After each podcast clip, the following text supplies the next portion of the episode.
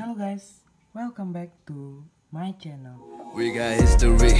Got me feeling the nostalgia when you look at me. Thinking about what could have happened or what could have been. Finally, your face, I know a sight to see. Take my time, then take your clothes one more time, maybe.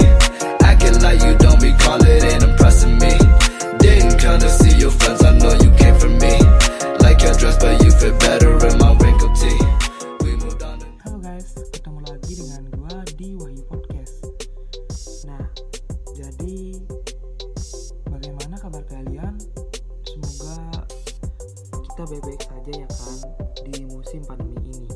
Dan semoga segala hal yang baik datang kepada kita semua. Nah, jadi di kesempatan gua kali ini, gua akan membuat sebuah konten podcast yang berjudul menghindari eh, pergaulan bebas. Nah, jadi di podcast gua sebelum sebelumnya gua mengenalkan tentang apa itu pergaulan bebas. Nah, jadi di podcast gua kali ini gua ingin em, men-share pada kalian bagaimana cara menghindari eh, pergaulan bebas. Nah, jadi menurut eh, versi gua ada enam cara untuk menghindari pergaulan yaitu eh, yang pertama memperkuat pendidikan agama.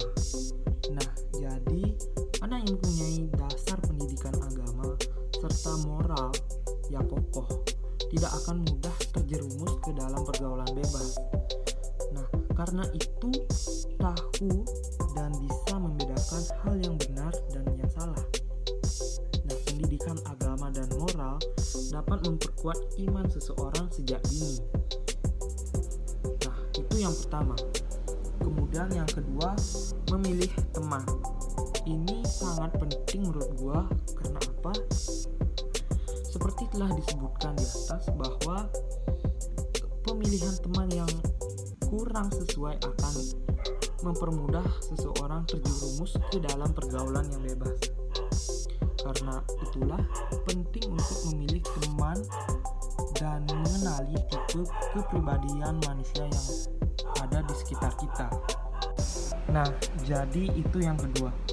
Yang ketiga, mempererat hubungan orang tua dan anak. Ini juga sangat penting karena apa? Karena orang tua eh, dari anak-anak sudah memberikan pendidikan eh, dari sejak dini.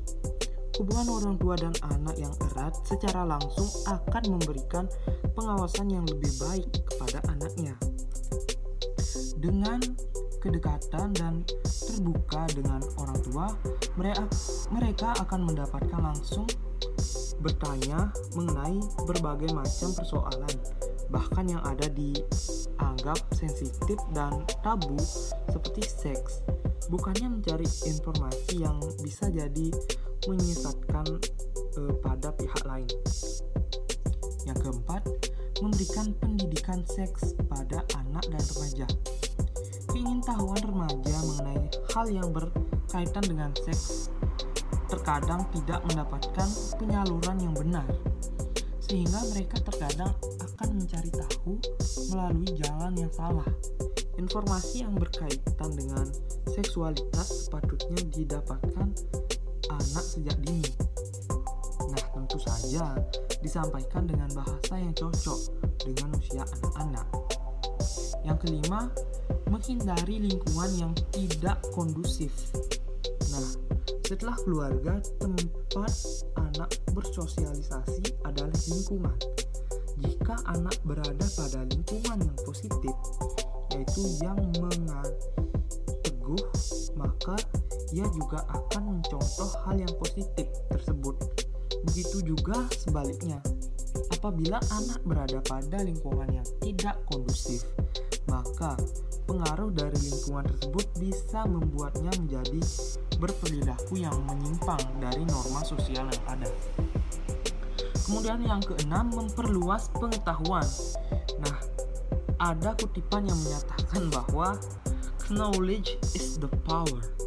Artinya, pengetahuan adalah kekuatan yang membuka cakupan wawasan yang luas seseorang akan mudah menentukan pilihan hidupnya karena ya ia sudah mengetahui banyak tentang berbagai sisi dan dampak dari eh, pilihan-pilihan yang dia buat.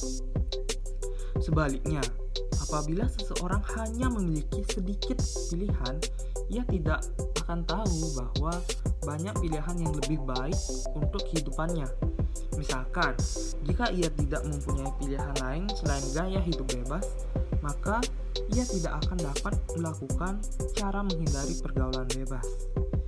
Nah, jadi itu saja sih guys yang e, menurut gua tips yang dapat mencegah pergaulan bebas.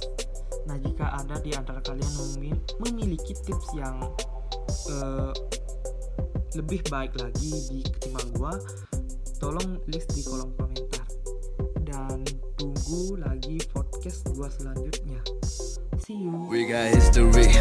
Got me feeling the nostalgia when you look at me. Thinking about what could have happened or what could have been. Finally, your face, I know it, that a sight to see. Take my time, then take your clothes off one more time, maybe.